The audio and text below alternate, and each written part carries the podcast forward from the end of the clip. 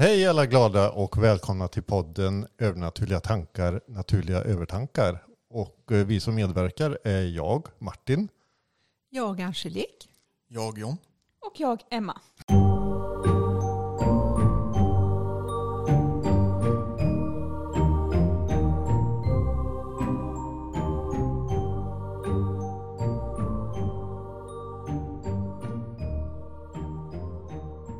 Hej alla glada. Hej! Hej. Eh, idag tänkte jag att vi ska vara jättedjupa. Vi ska, vi ska, jag har en fråga. Var föds själen? Du menar var den skapas? Ja, och följdfrågan är när föds den? Själva själen? Ja. Tror ni inte att själar sk- skapas hela tiden? Att det är... Mm. Jo men var? Ja, var? Andra sidan? jag vet inte.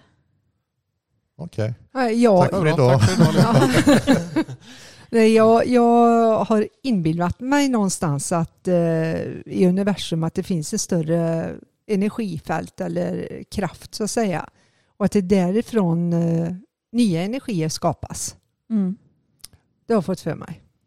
Men det finns ju även föreställningen om att ingenting skapas och ingenting förstörs. Allting finns redan. Ja, precis. Det är inte bara en omvandling då av energi. Att energin finns redan men att den omvandlas till en själ eller eh, formateras om. Exempelvis så som jag tänker att är en själ väldigt trasig från livet, att den har gjort väldigt mycket ondska eller eh, ja vad det nu kan vara, att den då behöver delas på när den kommer över. Då är det ju inte att energin förstörs eller själen förstörs utan det är bara att den formateras om, Mm. tänker jag. Och det kan jag köpa. Det jag undrar bara är var uppstår själen? Mm. Vad är det för omständigheter som gör att en själ... Vi, vi, vi förstår ju det att en, en kropp har en själ. Mm. Så. Men föds själen i ögonblicket när det är dags att bli en människa eller föds själen, finns själen redan? Och finns det själar innan en ny själ föds? Då, då kan jag väl säga så som att eh, det är jag själv med min övertygelse är helt säker på att det är klart att själen finns innan. Mm. Tänker jag med. Och sen så var det skapas någonstans i universum på andra sidan eller vad det nu är så eh, finns vi samlade. Men att det kommer naturligtvis att det kommer eh, nya själar. Mm. Det tror jag. Och jag tror det skapas någon, någon form av medvetande. Mm. Det är ju väldigt eh, svårt att få grepp om det. Men att eh, själarna finns. Och det är ju det jag tror på tidigare liv och allting sånt att det har ju vissa kanske föds med en yngre själ som inte har så mycket erfarenhet så att säga. Mm. Och vissa har väldigt mycket erfarenhet. Ja, och sen tänker jag också att bara för att man är en gammal själ så tänker inte jag att man är jättevis och kunnig eh, bara Eh, för att man Titta är på gammal. mig. Nej, men jag menar att det kan ju vara så att en själ genomgår samma läxor i varje liv för den lär sig aldrig läxorna som den ämnade att lära sig i det livet den valde. Mm. Och då tänker jag i alla fall att då kan den ju välja liv på liv på liv där det är liknande läxor som åter, äh, återkommer på grund av att den ska gå igenom detta. För jag, jag har alltid tänkt att själsåterfödandet eller återfödandet från liv till liv är som ett trappsteg. Mm. Eh, där man börjar lite lättare eh, med vissa omständigheter och att man sen trappar upp så att man försöker få fler och fler uppgifter att lösa eller större saker, att man blir John d'Arc tänker jag på eller Moder Teresa, att man får lite större uppgifter för att man är mer kapabel till att hantera dem med större sannolikhet. Det är inte säkert att det är så heller, men eh, men med det sagt så tror jag också att de här själarna då som skapas nytt, inför, alltså som är nya inom stationstecken, de, jag tror ju att de tas ju av energi som redan finns. Eh, Så jag tror inte att någonting är helt... Nyskapat. Nej, det är inte som Big Bang tänker jag inte. Utan Nej. det är ju liksom att det finns redan energin. Men att eftersom vi föds fler och fler i världen så behövs ju fler själar för att täcka upp eh, Mm. de människor som finns. Och sen är det ju som så att jag tänker ju, jag tror ju väldigt mycket på den fria viljan. Så jag tror att det vi kallar läxor, det är ju inte frågan om att någon överhet har gett en en nej, uppgift. att precis. man väljer själv. Ja, det tänker jag och i och med. med att minnet stängs av så kanske man eh, råkar ut för samma frestelser. Till Mm. exempel om du har levt som en väldigt rik person tidigare i liv och missbrukat din makt. Så kanske du får möjlighet att leva som en förmögen person också. Mm. Och så trillar du dit igen. Ja, eller att du får pröva på att vara fattig då för att se, Ja, har du, genomgår du samma maktstruktur ändå? mm, precis. Så att det, jag tror det ligger väldigt mycket i den fria viljan. Absolut. Men jag tror att det kommer ifrån eh, samma energi. Mm. Det tror jag. Jag, tror, jag, jag håller med. Eh, Det är bara det av att rent mänskligt sett så vore det intressant tycker jag att bara ponera, ha lite olika förslag på var eventuellt själen uppstår eller när den uppstår. Mm. Mm. Eh, För det Sen- finns ju säkert inom, eller säkert det finns inom religioner. Alla har ju sin syn eller eh, åsikt om det. Mm. Så. Eh, så jag tycker det är intressant att bara rent allmänt. Sen så tror jag att det är ju mänskligt att tänka att nu är vi här och sen när vi dör så är vi där. Jag tror ju personligen att vi har en plats i båda delarna samtidigt. Mm. En del av oss, eller en del av själen är fortfarande kvar på andra sidan. Ehm, och en, alla själar är ju sammankopplade så att jag tänker att det är väldigt simpelt att säga att alla har vi en egen själ. För jag tror att vi alla är en del av stora hela. Att vi är en del av eh, vad det nu man vill kalla det, moder jord eller universum eller ehm, Ja, jag tror vi alla är sammankopplade. Sen tror jag att just för att kunna utvecklas mer så har vi våran speciella ja lilla eh, bit så att säga. Ja, Så eh, jag tycker snarare om det är så att många själar, en själv och flera andra människor lever med och, och levt väldigt många liv och är vis och klok och har klarat allting, att man helt plötsligt går upp i ett enda stort medvetande, det tycker jag låter trist. ja. Att den bara är uppe i en vit, eh, vitt moln. Nej, men som nirvana eller att man, eh, Jag som tycker jag- kristendomen. Ja, jag tycker det låter trist Ja. för att eh, jag är ju jag. Mm. Nej men det håller jag med om. Det var inte riktigt så jag menade. Att jag, jag Nej, tror men fortfarande- jag, jag vet att vissa tolkar det som så Ja. och jag tycker det låter, nej, det Nej. finns en där ändstation. Jag tror aldrig det finns någon slutstation. Nej men det tror jag också är ett mänskligt sätt att se Mm. på det. En början och ett slut. Mm. Det är som att man är själv inte är själv längre, sig själv längre, utan man är en del som är en del utav en stor del, Ja. Mm. om man säger så. Ja. Och jag Vilket är tror- trist. ja, Mm. det är trist för jag tror att vi behöver vara de här äh, armarna ut och så att säga och vara Men jag, de vi är. så som jag känner det är av att fast man är, alla är relaterade till varandra, för det, den uppfattningen har jag eh, också. Det är det av att man, man har sin egen speciella kodning, så att säga. Mm. Mm. Tror jag med. Sin Ja. egen speciella Ja, kod. det tror jag med. eh, vad den nu än innebär. Men jag tror ändå att alla har sin unika kod i det stora Ja. hela. Ja men precis. Annars utvecklas det inte för skulle alla vara precis likadana då sker det ju ingen utveckling. Nej. Vi måste ha de här olika ingredienserna. Polariteten om man säger så. Ja. Då skulle ju alla äta pasta och köttfärs varje dag. Ja, Vad ska vi äta idag? Det är ju Men enkelt. Det hade inte varit någon mening att födas. Nej, Men då tror ni på reinkarnation då? ja. Ja. Absolut. Det tror Ja, jag nej, på. det tror jag med. Det har jag trott på sedan jag var barn. Jag har svårt att tänka mig att det bara skulle vara ett liv. Och det är det. Ja, alltså man kan ju se det hur man vill. Men Mm. eh, jag är absolut övertygad om reinkarnation, återfödelse.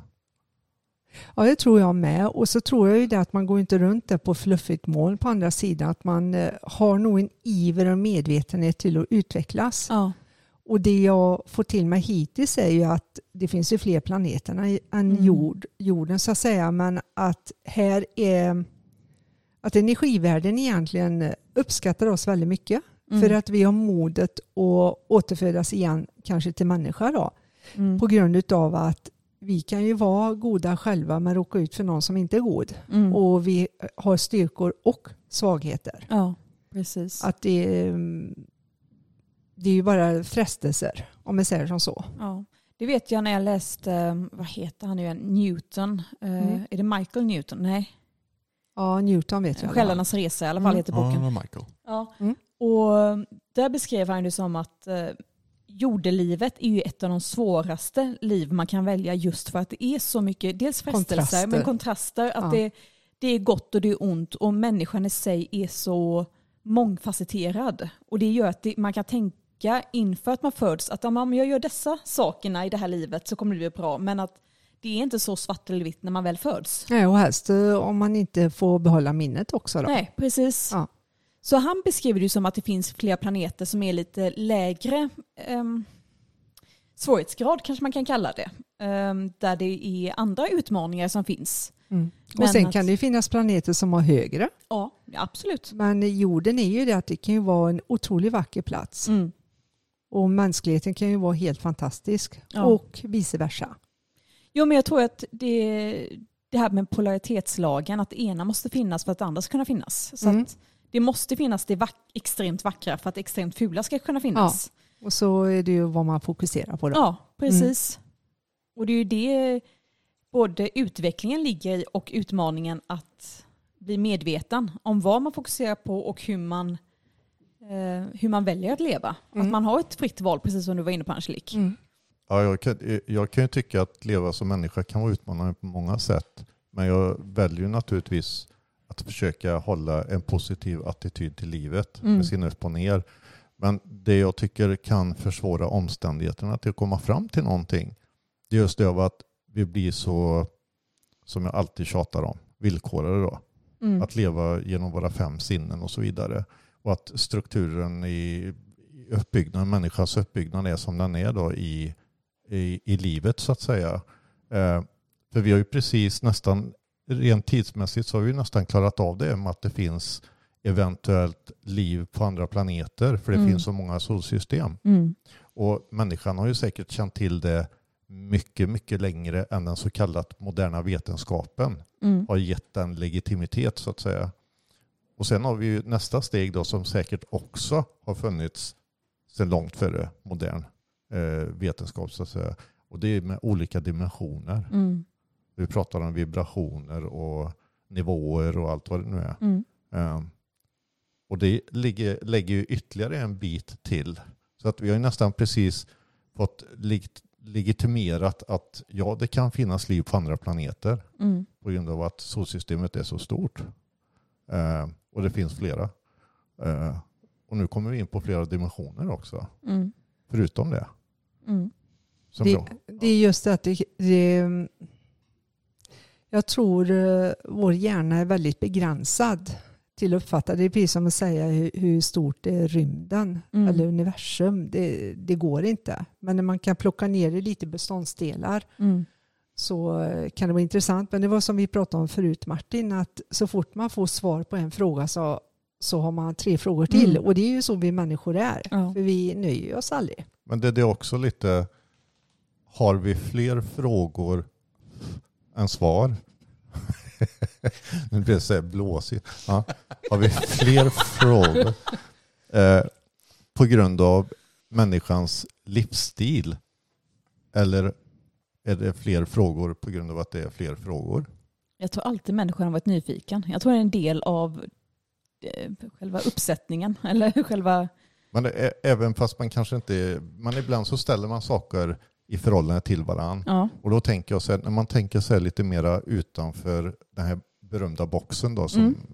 inte bör existera överhuvudtaget.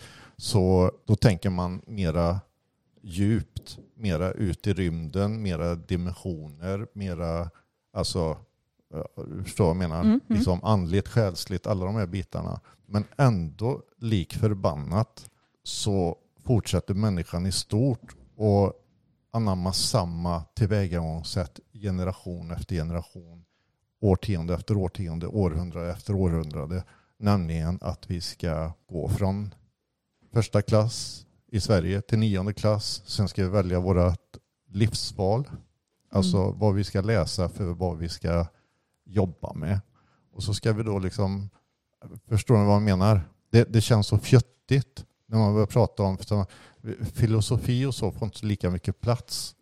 Eh, eh, vårat varande eh, blir väldigt villkorat om man säger så. Du ska gå till jobbet 7 till 4, du ska sköta det till 65, sen kan du göra vad fasiken du vill. Men Mm. Alltså, nu, nu hårdrar det väldigt. Man förstår ju själva grejen. Eh, andemening och sånt, det, det får finnas med, men bara till en viss gräns. Ja, precis. Men jag tycker det har blivit eh, mer öppnare nu. Det har vi pratat om förut också. Måste ändå gå till jobbet. Ja, jo, jo, jo. Men det är tack och lov för det. Ja, jag hade alltid stått stilla. Men, men det är just det att det är också en sån här, sån här kommentar som man hör av människor. Ja, ta- men jag tack tänker- för lov, hade det inte varit för det så hade Nej, vi nej, inte kunnat... jag tänker logiskt till exempel att eh, om jag ramlar och bryter benet och inte kan röra mig så jag, uppskattar jag verkligen att det finns ambulanser. Och du måste ändå gå till jobbet. Ja, och de behöver ju gå till Nej, jobbet. Ja. Men om vi skulle ta upp eh, den andra grejen du spekulerar lite. När går själen in i kroppen? Eller i fostret? Eller i... När, när eh, kommer själen och... När förenar sig själen och kropp? Mm. Är det vid födslotillfället? Är det innan födseln? Är det, är det någon som har en... Jag har en teori. Varsågod. Och det är det att själen kommer och besöker ungefär vid eh, femte månaden eller någonting sånt där. Att, för det ska ju kalibreras, kroppen är ju kroppen och det, det sköter ju DNA och gener alltihop eh, själv. Men själen kan ju vara en själ som har levt väldigt många liv tidigare. Mm. Och själen är ju vad jag tror inte ett barn men ska helt plötsligt installera sig i det här lilla Ja. kroppen då. Så jag tror den gör besök fram och tillbaka Mm. för att känna av. Och så sen så var det en som nämnde som jag tyckte lät logiskt att de första fem, sex åren i ett barns liv att när de sover så kan eh, energin Mm. åka iväg på astralresor. Så och ibland så tror jag inte att det slutar bara för att den är vuxen. Därför kan vissa råka ut för Mm. eller använda sig av astralresor. Att kroppen, eh, själen lämnar kroppen då en stund. Mm. Det, det tror jag. Ja, så tänker jag med att precis som du säger att själen kommer på besök mer Mm. i magen. Mm. Ehm, för att checka av läget och sen för att eh, lite känna av att uh, okej här ska vi vara sen och så vidare. Men att den inte fast där. Nej, för att de, de behöver ju komma, eh, connecta med varandra sen. ja, Eh, människan och eh, själen då. mm. Men jag tror ju absolut att den, beroende på hur avancerad själen är och hur länge den har gjort, eller hur många gånger den har gjort det här, Mm. så tror jag att den landar i kroppen ett, ja, beroende på hur avancerad den är, så sagt allt från några månader, någon månad till några veckor innan det är dags att födas. Mm. För att vara, Att det vara sätter sig till rätta så Ja, att säga. precis. Sen Ja. som du säger, att jag tror att absolut att den kan lämna när barnet sover eller bara göra resor. Jag har till och med s- svaga minnen av att jag kunde resa iväg eh, när jag var mindre. Mm. Ehm, och att jag då Var det buss eller? Nej, astralresa tänker jag på då såklart. Men att... Ja, eh, flyg. ja, nej men att eh, ifall jag satt och lekte, att jag helt plötsligt var någon annanstans Mm. i huvudet. Att jag kände själv, eh, själv av att jag var på två ställen samtidigt. Så jag har ett vagt minne av det, att jag även som i vaket tillstånd som barn Mm. kunde vara med om det. Mm. Och det vet jag, det har ju du pratat om också John. Mm. Mm. Att du också var med om Ja, det. ja. Ja inte, jag var inte med dig idag. Nej, inte med mig, men du var med om det. Ja, men det var inte vaket tillstånd tror jag inte. Det var inte det? Du var, Nej. Tror jag inte, jag kommer inte ihåg. för mig att du har sagt det, men det kanske inte var. Jag kanske ljög då. Ja. Jag vet inte. Ja, men jag, jo, jag har varit med om det men jag kommer inte ihåg. Inget specifikt. Det var länge sedan. Ja, jo, det var ju ett tag som man var barn. Hej alla guldkorn! Det är Angelique här. Vet ni att jag jobbar med healing och andlig vägledning? Även med personlig andlig utveckling. Jag har flera års lärdom att dela med mig utav. Jag och min man Martin rensar även hus och hem från negativa energier. Det har blivit lite grus i maskineriet och det är lite oförklarliga fenomen som sker. Är du intresserad så kan du nå mig och oss via sms på 0720 30 30 85. På återseende. Och det är ju det att, eh, som jag nämnt förut, att barn, det var inte så länge sedan de var på andra sidan, så man har ju dörrarna öppna lite mer, Mm. så att säga. Vilket lugn som infann sig. Vad skönt. Men vad intressant med 21 gram. Nu blir jag deprimerad. För att eh, det är ju tre veckor. 21 gram. 21 är ju tre veckor Ja, och det är 21 dagar. Och Ja. det är det som räknas för att ni ska kunna ändra personligt drag. Ändra Ja. till nytt vana i livet så krävs det tre veckor. Mm. mm. Och även att eh, när de avgiftar som till exempel narkomaner och sånt. Så tre veckor, 21 dagar beräknar de. Vad fan säger du? ja, men då kanske det har något att göra med, men jag tror inte det är själen som väger 21 gram. Nej, det tror inte att- jag. Så jag undrar bara, bara vad, vad det är. Nej, Jag vet inte om det finns något om det. Eller det finns säkert jättemycket om det, men om något stämmer. Men det var ju som vi pratade om att det var tidigare forskning som sa det att Mm.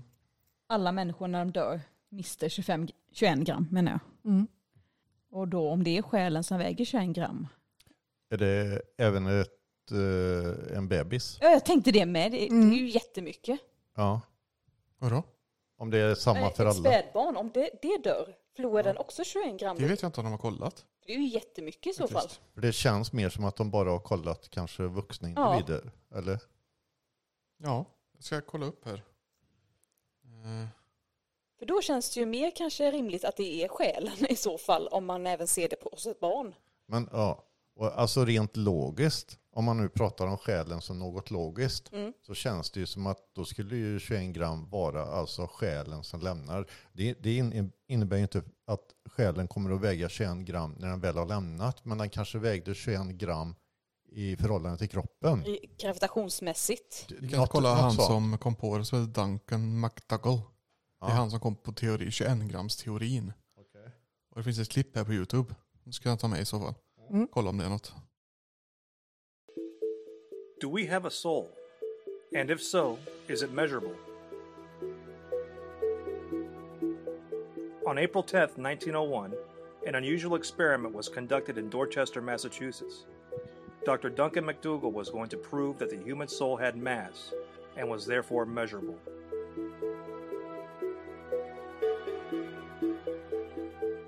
He conducted this experiment on six dying patients who were placed on specially made Fairbanks weight scales just prior to their deaths. The patients were selected based upon their imminent death. Two patients were suffering from tuberculosis. A total of five men and one woman were selected for this experiment. Dr. McDougall's intention was to weigh each body, before and after death, to determine if there were any differences noted on the precision scale. In the company of four other doctors, Dr. McDougall carefully measured the weight of his first patient prior to his death. Once the patient died, an interesting event occurred. McDougall explains. Suddenly, coincident with death, the beam end dropped with an audible stroke, hitting against the lower limiting bar and remaining there with no rebound. The loss was ascertained to be three fourths of an ounce. What caused this weight loss? Everything was taken into account, from the air in the lungs to bodily fluids. It still could not be explained. The experiment continued on the next patient with the same results. Dr. McDougall felt he was on to something extraordinary. According to Dr. McDougall, The instant life ceased, the opposite scale pan fell with a suddenness that was astonishing, as if something had been suddenly lifted from the body. Immediately, all the usual deductions were made for physical loss of weight, and it was discovered that there was still a full ounce of weight unaccounted for. Så vad tror vi? De kunde inte bevisa eller icke bevisa någonting. Men ändå var det ju samma sak på Allihop.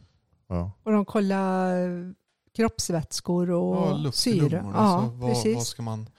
Nu tror ju inte jag eh, personligen att själen skulle väga 21 gram. Var, alltså varför skulle han väga någonting? Men det är ju det som är problemet då. Eller? Men eh, eh, som jag sa tidigare, jag, jag tänker ju då att det har just den grejen. Att det, i förhållande till den fysiska världen så inte att själen väger 21 gram när den väl har släppt. Men i förhållande till de fysikaliska lagarna eller de fysikaliska omständigheterna så motsvarar 21 gram eventuellt eh, vikten av själen när den befann sig Ja. i kroppen. Jag, jag vet inte, jag kanske är ute och cyklar rejält alltså. Det är det som blir problemet för då är det egentligen, då pratar vi ju om någon typ av massa. Ja. Om något som går och... Men Men den massan kan, eh, om man säger att det var som att den var attached eh, mm, i kroppen så att säga, då eventuellt att den var mätbar mm, rent fysiskt. ja. Men sen när kroppen om det är dör och den så- släpper så, ja. Jag tänker energi, kan det väga? Ja, jag är inte så mycket för fysik direkt men... Ja, en bra fråga. Ja, jag tänker, men jag tänker om man kör med... De har ju vissa speciella kameror så man kan se energiskiften och sånt hos Mm. människor och djur och allting. Mm. Om man skulle använda en sån på någon som precis dör, kan man då se att det är en energi som lämnar kroppen? Eller är det bara generell energi som lämnar kroppen, alltså i form av värme och... Alltså, vi har ju sett vissa eh, småsnuttar av filmatiseringar. Det påstås att man ser eh, någon form av energi som lämnar en kropp som dör Mm. i dödsögonblicket eller strax därefter.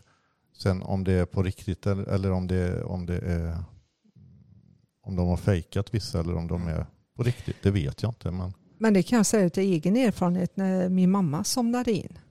Så såg jag som ett ljusfält vibrera en bit över hennes eh, fysiska kropp. Mm. Och det har jag sett hos andra personer också som har legat palliativt. Mm.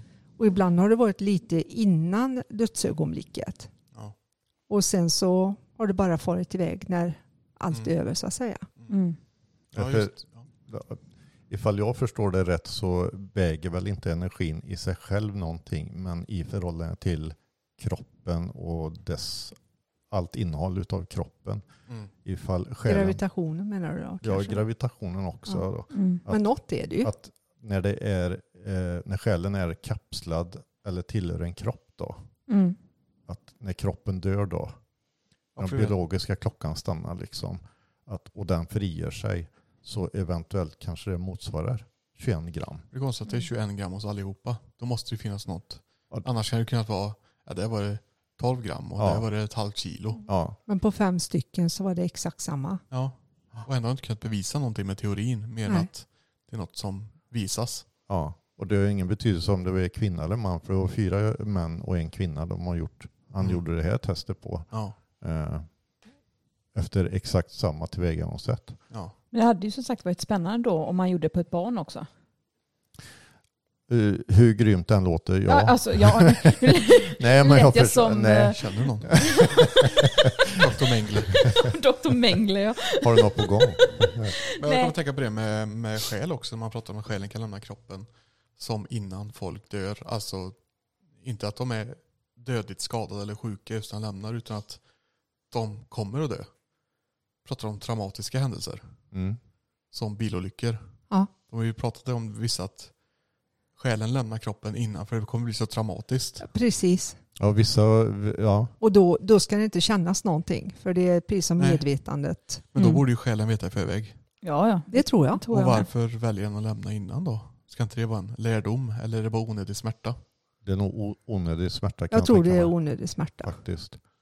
De, de som inte har hunnit lämna av olika orsaker eh, får gå igenom någonting som blir väldigt traumatiskt. Och därför behöver de någon form av rehabilitering på andra sidan. Ja, så tänker jag ju med. Att, eh, I guess. ja. Du kan ju vara i en krigssituation, du dör inte med en gång men du får en eh, kulspruta i huvudet eller en kanonkula slår av huvudet på dig. Eller, Mm. alltså, det, det blir något sånt här, du, du står där och du är skräckslagen och allt det där så du har alla de här varningstentaklerna som bara alarmerar kroppen och sinnet av att jag är i fara. Men ändå när det sker så kan det vara ögonblickligt. Mm. Du kanske inte är medveten om att det har skett så att säga. Du har inte hunnit att lämna så att säga. Nej. Och sen är det väl så att ibland så skevar det. Och då blir det det att du inte ens inser att du har dött. Nej, precis. Att man är kvar. jag tänker på den scenen i Ghost, Ja. Patrick Ja. Mm. Swayze. Jag tyckte den var så nyskapande i Ja. film när den kom. För att jag var inte själv riktigt beredd på vad som hände där. För han sprang efter förövaren. Och sen vänder han sig om. Så ligger hans kropp där. Ja, precis. Så det var precis som han sprang ur sin kropp. Ja, ja, han fortsatte egentligen. Ja, ja. det tyckte jag var så häftigt gjort. ja, väldigt snyggt gjort var Ja, det. tragiskt men häftigt. Mm. Och det vet jag ibland, eh, man har hört också, hört på nära håll att när en släkting kanske ligger döende och vissa släktingar eller familjen får besök av den personen och så sen eh, går bort en halvtimme efter eller något sånt där. Mm. Och då är de hemma hos sig själva då. Mm. Det är också rätt häftigt. Ja. Ja, det är intressant det där med själen för att eh, själavandring förekommer ju både på eh, oss levande och sådana som har där kroppen är, är, har dött. Så att Mm. säga. Eh, och ett typexempel är ju nära döden upplevelse som det kallas. När eh, alltså hjärtat har stannat och allting har avstannat kroppsligt sett. Men eh, Och du är kliniskt död ja. Ja, det, du är Mm. kliniskt död och lyckas rädda tillbaka. Och sen tänker jag också, själva ordet demens betyder ju att man är själlös. Jaha, okej, det hade jag ingen aning om. Nej, så det är därför man, vi, vi, I mitt jobb får jag lära mig att man ska aldrig säga att någon är dement, utan är demenssjuk. För dement betyder att det, den är själ, själlös, den här personen. Menar de då att själen lämnar kroppen Ja. långsamt? Och det, jag har funderat på det ibland, om någon är riktigt långt gången i sin demenssjukdom. Om det är så att själen ser, den ser ingen mening med att vara kvar i kroppen längre. Att, då tänker jag verkligen att det är så långt gånget så att man är inte kontaktbar längre. Det är Okej. nästan Men koma-liknande. där måste man väl Ja. se skillnad på hjärnskada och det är väl det som är problemet för demens är ju hjärn, alltså det är ju Det är nedbrytning. sjukdom. Mm. Mm. Nej, jag tror inte ett ögonblick att eh, själen lämnar kroppen förrän kroppen har gjort sitt. Det tror jag inte. Nej. Men att han kanske står lite avvaktande Mm. och kanske förbereds för Ja. att få hjälp över. Mm. Men eh, det vet ni ju att ibland kan vissa personer inte släppa taget förrän anhöriga har gått ur rummet. Det är precis som Mm. får göra en resa själv och det är ju någonting man väljer. Och eh, det är precis som också när nära och kära har gått bort med att de har släppt taget egentligen men de måste vänta på att kroppen släpper taget. Mm. Att den lägger ner verksamheten så att säga. Då kan själen gå vidare. Det är det som är så fascinerande för att rent ursäkta, eh, kroppen är ju en fantastisk energi med alla dess celler som ska hitta rätt när ett embryo ska bildas. Mm. Och eh, det ska bli, bli exempelvis en människa utav eh, embryot. Eh, lika väl som vilket annat djur som helst. Det är Ja, lika precis. fantastiskt. Ja. Men det har ju sin egen energi och sin egen uppbyggnads eh, tid, tillvägagångssätt. Mm. Och sen så själen på detta. Mm. Och det är det som, precis som du sa det, av att själen kan ju redan ha gått ur i vissa avseenden. Ja, Men kroppen är inte riktigt färdig än. nej, precis. Även, även om du har en, en kraftig dödlig sjukdom i kroppen så är inte för hjärtat sl- slutar inte att slå förrän det slutar att slå. Nej, så att säga. precis. Och jag, jag tror på det där som bland annat Shirley MacLaine på 80-talet, just med att det finns en silvertråd, nästan som en navel mellan kroppen och själen. Alltså med Och- navelsträng. Ja, en navelsträng menar jag. Och det är just det att eh, när den klipps av så, ja då är det över. Tänker jag på antika Grekland. Så tänkte man ju där att alla hade en guldtråd. Mm. Och när den klipptes av så lämnade själen. Mm. Och då hamnar man ju i... eh, Ja, Ja, det ingen nu. rök utan eld. Det Nej. kan ju komma någonstans ifrån. Ja, men det var lite deppigare för då var man ju där flodens syx och Ja, simma. ja. Det var ju Mm. kanske inte så roligt. Men eh, Mm. ja, nej precis. Eh, det- Jag tycker det är intressant där när man tar den moderna vetenskapen. Så, va? Eh, Om vi pratar om psykologi exempelvis, så själva ordet står ju alltså för själalivet, var det va? Ja. Är det, va? Mm. Och, och det är ju intressant. Eh, Så som vi får till oss psykologin ofta så eh, själen har ju en sekundär plats inom Mm. psykologin, kan jag tycka. Ja, Eh, det är så mer läran om hjärnan kan man ju tycka. Lite sådär va? Ja. Och allting då som resoneras, teoriseras och allting. eh, Så får man ju till det, säg det på ett speciellt sätt eller på ett visst sätt. Och det som är intressant om man går bakåt, många av de här som man lutar sig mot inom psykologin då, det man får lä- som vi när vi har läste psykologi då, alla de här storheterna inom psykologin. Mm. Eh, många av dem, om jag förstår det rätt, missbrukar en del. Mm. Ja, Och det tycker fall, i alla fall Freud vad jag vet. Ja. Men det var nog inte den enda. Nej. Jag har för mig att det var fler av dem som... Ja, det var det säkert. Det sjuka är att när man läser psykologi idag så är man, fast Freud inte är, eh, eller anses vara fader till eh, det vi läser, Mm. så anser många även att det är mycket som inte stämmer längre. Men då får vi nästan läsa Freud utifrån att han blir ett psykologiskt experiment på hur man såg det förr. Mm. Då blir det en, en eh, eh, bestånds... Man måste alltså läsa Freud fast de idag anser att han inte hade rätt på mycket. Bara för att han var en av de första. Men jag tänker, Då blir frågan, läser man honom för hans teorier eller läser vi honom för hans psyke? Mm. ja. Jag tänker också att han var ju grunden till varför många andra eh, kom fram till sina idéer. Ehm, både han och Pavlov och Pavlovs hundar och allt det här med stimuli och så. Ja. Men, så det blir väl att man läser om dem för att sen gå vidare till det, mer den moderna psykologin. Men Mm. precis som du är inne på Martin så ser jag ju också att man kommit ifrån väldigt långt från läran om själen och eh, tankar om själen. Mm. Eh, Helheten. Ja, helheten. nu är Ja, det mer beteenden man är ute efter. Varför gör du så? Hur tänker du? Varför tänker du så? Mm. Det har ju egentligen inget med själen att göra. Nej. För att psykologi är ju en sammansättning av två ord. Det är, ena, det, det är det grekiskt båda två orden. tror det. Psyke är ena och ja, det andra Logos. logos. Ja. Och det, det är intressant hur det har kommit att eh, bli det ordet just när det gäller deras teorier och deras sätt av att hantera mm. eh, ämnet eller ämnena. Men det visar väl egentligen på att nyfikenheten och frågorna kring själen just har alltid funnits där. Mm.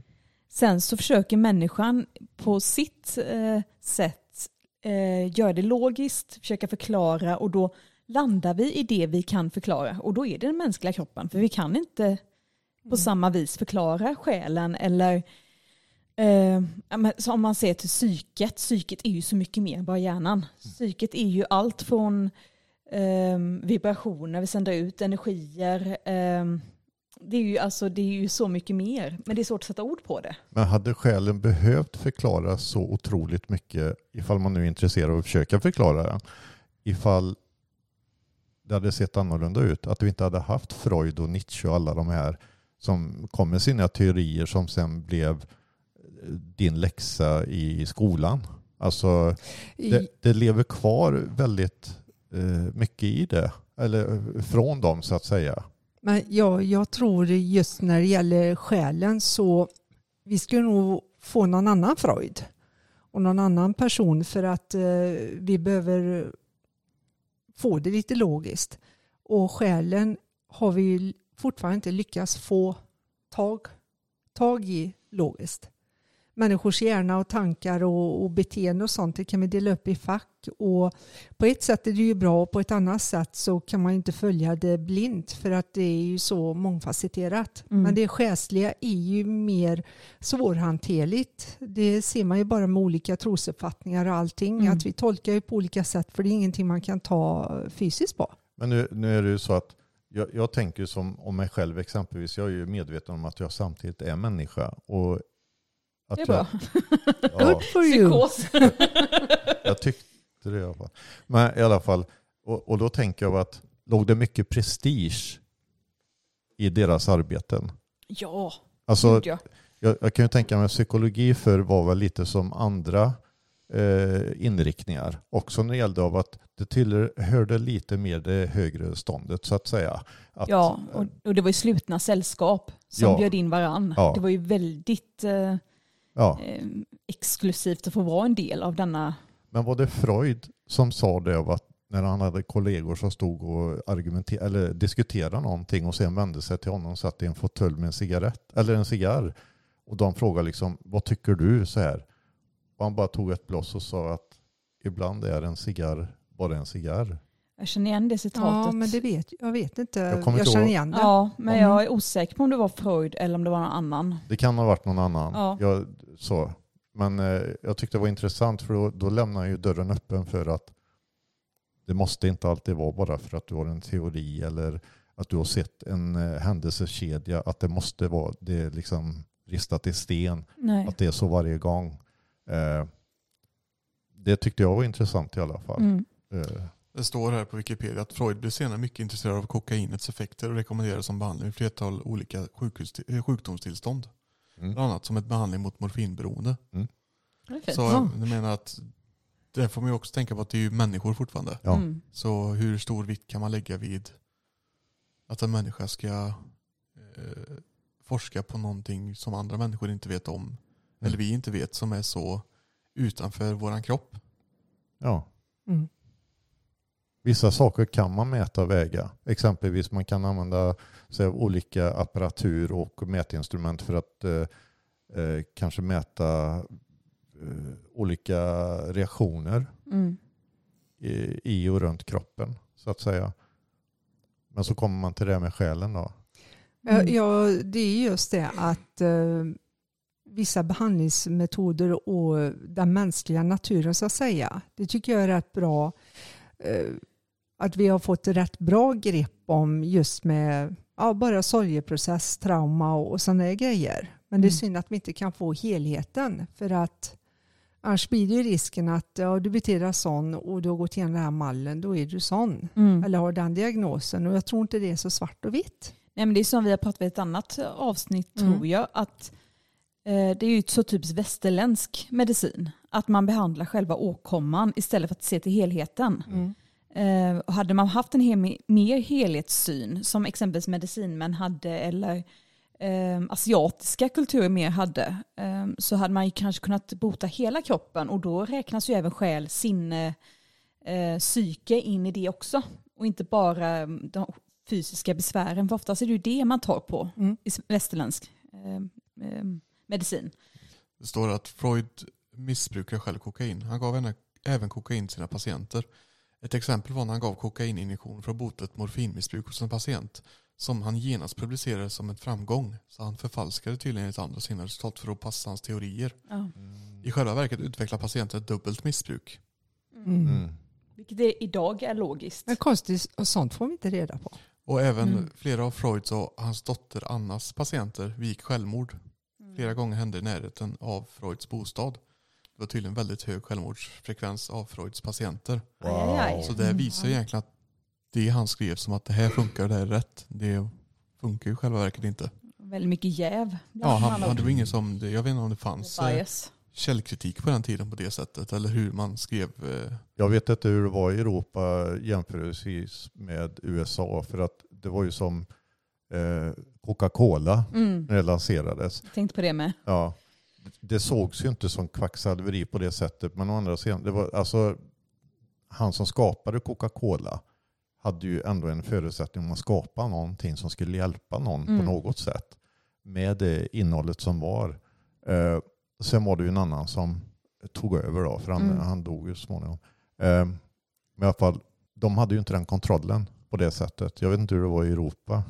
Hade de, när började liksom medicinkontroll och, och innehålls... Ja, Det Liksom- börjar nog mycket senare.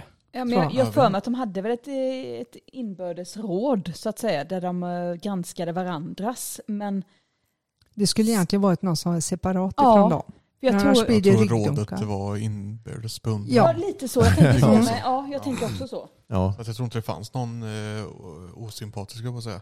Någon eh, Opartisk. opartisk. nej. Mm. För att som i USA exempelvis sen när prohibition kom, eh, vad heter det? Kom. Kam, kam, Kam. vad heter, Spritförbud. Ja. Ja, just det. Eh, när det inträdde så blev det en helt annan koll på innehåll i olika eh, rekommenderade medikamenter bland annat. Och då var ju Coca-Cola en av de här. Mm. För att det innehöll ju en variant av någonting, innehöll i alla fall alkohol. Nå, mm. någon vinvariant.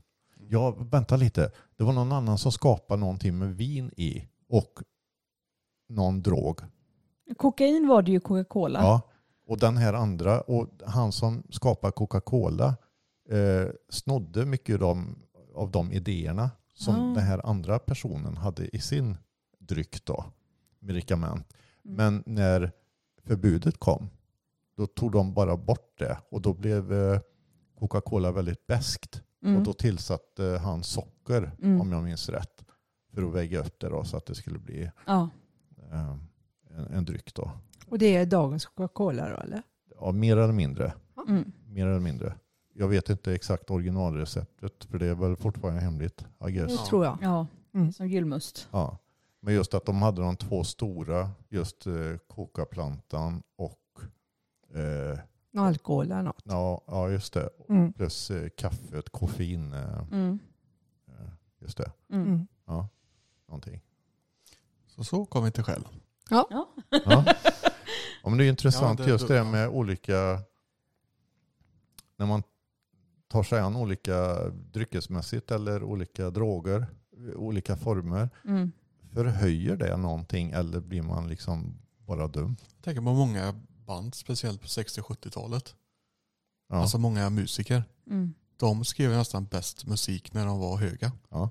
Ja. Så frågan är ju där, är det... Jag tänker på Eagles. Ja, de skrev, Exempel. skrev Hotel California. Ja, visst. De åkte Så- ut i öknen och bara Ja, bara var höga. hoffa Ja. på. Ja. Då Men- kan man ju tänka, har det någon, har något samband eller är det att man stänger av någon logisk del i hjärnan som gör att det bara, eller har du lättare för, för att få kontakt med något annat? Att, Ska man kolla som de som exempel, The Eagles, så är det ju precis som att det stimulerade någon form utav eh, fantasi och, och ja, förmåga till att skapa någonting. Kreativitet. Kreativ, tack. Ja, det är ju samma med, det finns ju konstnärer också Ja. Mm. som bara målar när de är höga i princip. Ja. Ja. Nej, men sen tänker jag också något som faktiskt används för andlig eh, rening och eh, andligt bruk och det är ju ayahuasca. Mm. Och det får man ju säga vad man tycker och tänker om det. Jag personligen skulle aldrig våga testa det för jag har hört så många skräckhistorier om det. Mm. Eh, men det är ju trots allt en drog som används för att, vad jag förstått, Förhöja sinnet. Ja, förhöja sinnet, rena, eh, nå ett högre medvetande. ehm, Jag känner inte till så mycket om just det, men det jag funderar på är om man tar någon drog som Eagles gjorde då. Om det är så också att det här äh, fria flödet till att göra någonting utöver att det egentligen finns, men att vi begränsar oss med våra mänskliga tankar just med logik. egot.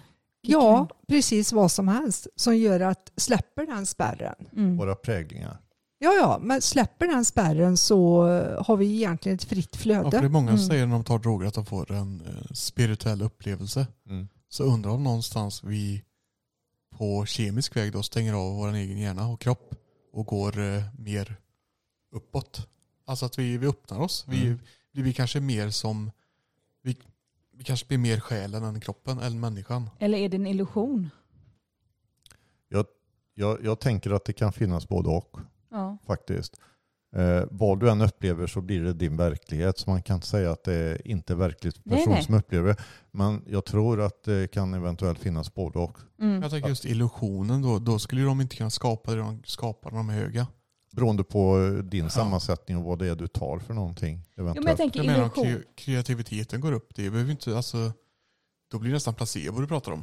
Ja, men det är nästan det jag tänker på. Jag tänker att om du redan har kreativiteten i dig, men du tänker att om jag tar detta så blir jag så mycket mer kreativ, då är det ju placebo eller illusion. Jag säger inte att det är så det är, för det är många, som du säger John, som har tagit droger och blivit väldigt kreativa. Så att, men jag undrar, är det ett samband mellan dem eller är det bara att det är en korrelation mellan att orka med, så man tar något uppiggande för att orka, kombinerat med eh, eh, stimuli, eh, förhöjande. Eh, alltså, ja, nu spekulerar jag, jag vet inte. Men jag som person aldrig har tagit droger undrar ju att behöver man verkligen göra det för att vara kreativ och skapande? Nej det tror jag Nej, inte. Men jag nej, tänker man att, inte. att eh, när de tar droger att du, du kan ju aldrig få en sån ett sånt utsläpp av hormon i hjärnan på ett, på ett naturligt sätt. Mm. Så vare sig det, det blir en kroppslig förnimmelse av eh, andlighet eller om det blir andlighet så blir det ju på något sätt att du Någonting chock- höjs. chockar ju hjärnan. Ja, Någonting höjs. Ja, och Det samma som ayahuasca då. ja. Mm. Att vissa har, tycker att det är jättebra, andra har haft mardrömmar i... Ja. Och jag, Ja, jag, tror, eh, jag tror att eh, det är inte meningen om man ska höjas andligt att man ska behöva tillföra Nej. saker och ting. Nej, inte jag absolut då, Då har inte. du börjat på fel ände. Ja, Så för tänker att jag det, ju det, med. det, det kan sluta med ända och förskräckelse och väldigt destruktivt. Min, Ja. Varsågod. Nej, jag tänkte det. Kan, kan du inte känna att du inte kan sitta och meditera utan att ta någonting så börjar du verkligen fel ände om du börjar ta droger Ja, för att kunna Mm. komma in i någon sån här avslappnings... Mm. Och då tycker jag att du har blandat helt fel. Vi har ju träffat eh, några personer genom åren så som har det här, jag vet inte vad det är, men de har den här driften i sig av att de vill testa. Mm. De vill testa. Det är inte så att liksom de kan gå efter att ja, för den funkar det, för den funkar det jävligt dåligt. Eh, Det blir till och med traumatiskt för någon. Nej, jag ska testa ändå. Mm. Oavsett om det gäller det vi kallar tunga droger eller några hallucinogena. Det spelar ingen roll vad vi kallar det, men de ska testa ändå. Mm. De ger sig inte förrän de har testat. Liksom. Men är, är det inte lite den här nyfikenheten som Så människan jag har oavsett om den är eh, destruktiv Ja, och eller... där pratar vi nog till hjärnan mer än själen Ja. igen tror jag. Ja. Det har någonting med att jag vill se vad som händer. Ja. Och även fast folk berättar om de negativa, att det är allt från psykoser till depression som är livslånga, så är det ändå att det väger inte upp. Nej. Alltså att de inte, att de skippar det. Mm. För jag vet ju till egen erfarenhet att när man sitter i meditativt tillstånd så kan man få som man får ett rus. Man Mm. blir berusad på livet och, och andligheten. Det blir som en lampa tänds. Och den är jätteskön den känslan. Mm. Men jag skulle inte vilja ha Frågan den. då om, om folk som upplever den utan droger blir beroende av känslan och då märker att jag kan ju få den här med droger istället för att sitta här och meditera. Ja, just det. För att det är ju som så här, har du fått en sån kick, eufori, då ser du ju fram emot nästa gång du ska meditera. Mm. Men då har du en annan dagsform.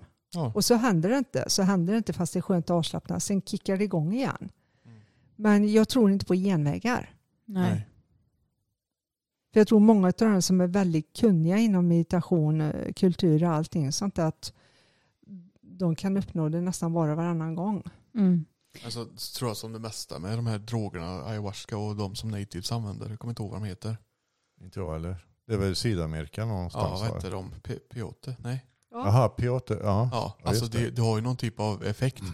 Men det, allting har ju blivit taget ut, ur sin kontext. ja. Mm. Det har ju blivit alltså att vi har tagit någonting som någon urinvånare någonstans använt som antingen läkemedel eller under väldigt kontrollerade Mm. och så överdoserar den moderna människan och börjar missbruka det. Mm. Och då blir det att ja, men det är ju farligt, hur kan de använda det?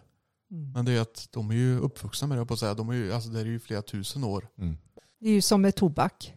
Ja precis. Mm. Det är samma sak med tobak egentligen. Mm. Att, eh, vi vet ju att det inte är bra att, att nyttja det men frågan är från början, fast det kanske inte var bra att nyttja det, vad det användes till mer än att röka. Mm. Och hur ofta röker man? Röker man på samma alltså, nivå som en rökare idag? Eller Så var det i någon ritual och de kanske inte ens tog halsblås. Det är det jag menar. Och idag har Mm. vi istället cigaretter och allting och det används ju dagligen hela tiden av Ja. folk. Och då är det ju halsblås. Ja. Så vi, jag vet inte. I många avseenden har vi nog förstört någonting som var lite heligt. Ja. Precis som eh, tobak i snus och i allting. Ja. Mm. Sen säger inte det att jag skulle använda det bara för att det är en motsvarande schaman eller någon. Alltså vill jag inte så vill jag inte. Nej, precis. Men å andra sidan så tror jag det har förstörts väldigt mycket av. För jag tänker allt som från morfin till kokain och opiater det är ju egentligen medicin från början. Allting. Ja. För att hjälpa. Ja. Mm. Intressant Ja. Mm. faktiskt. Det har verkligen levt upp till namnet idag.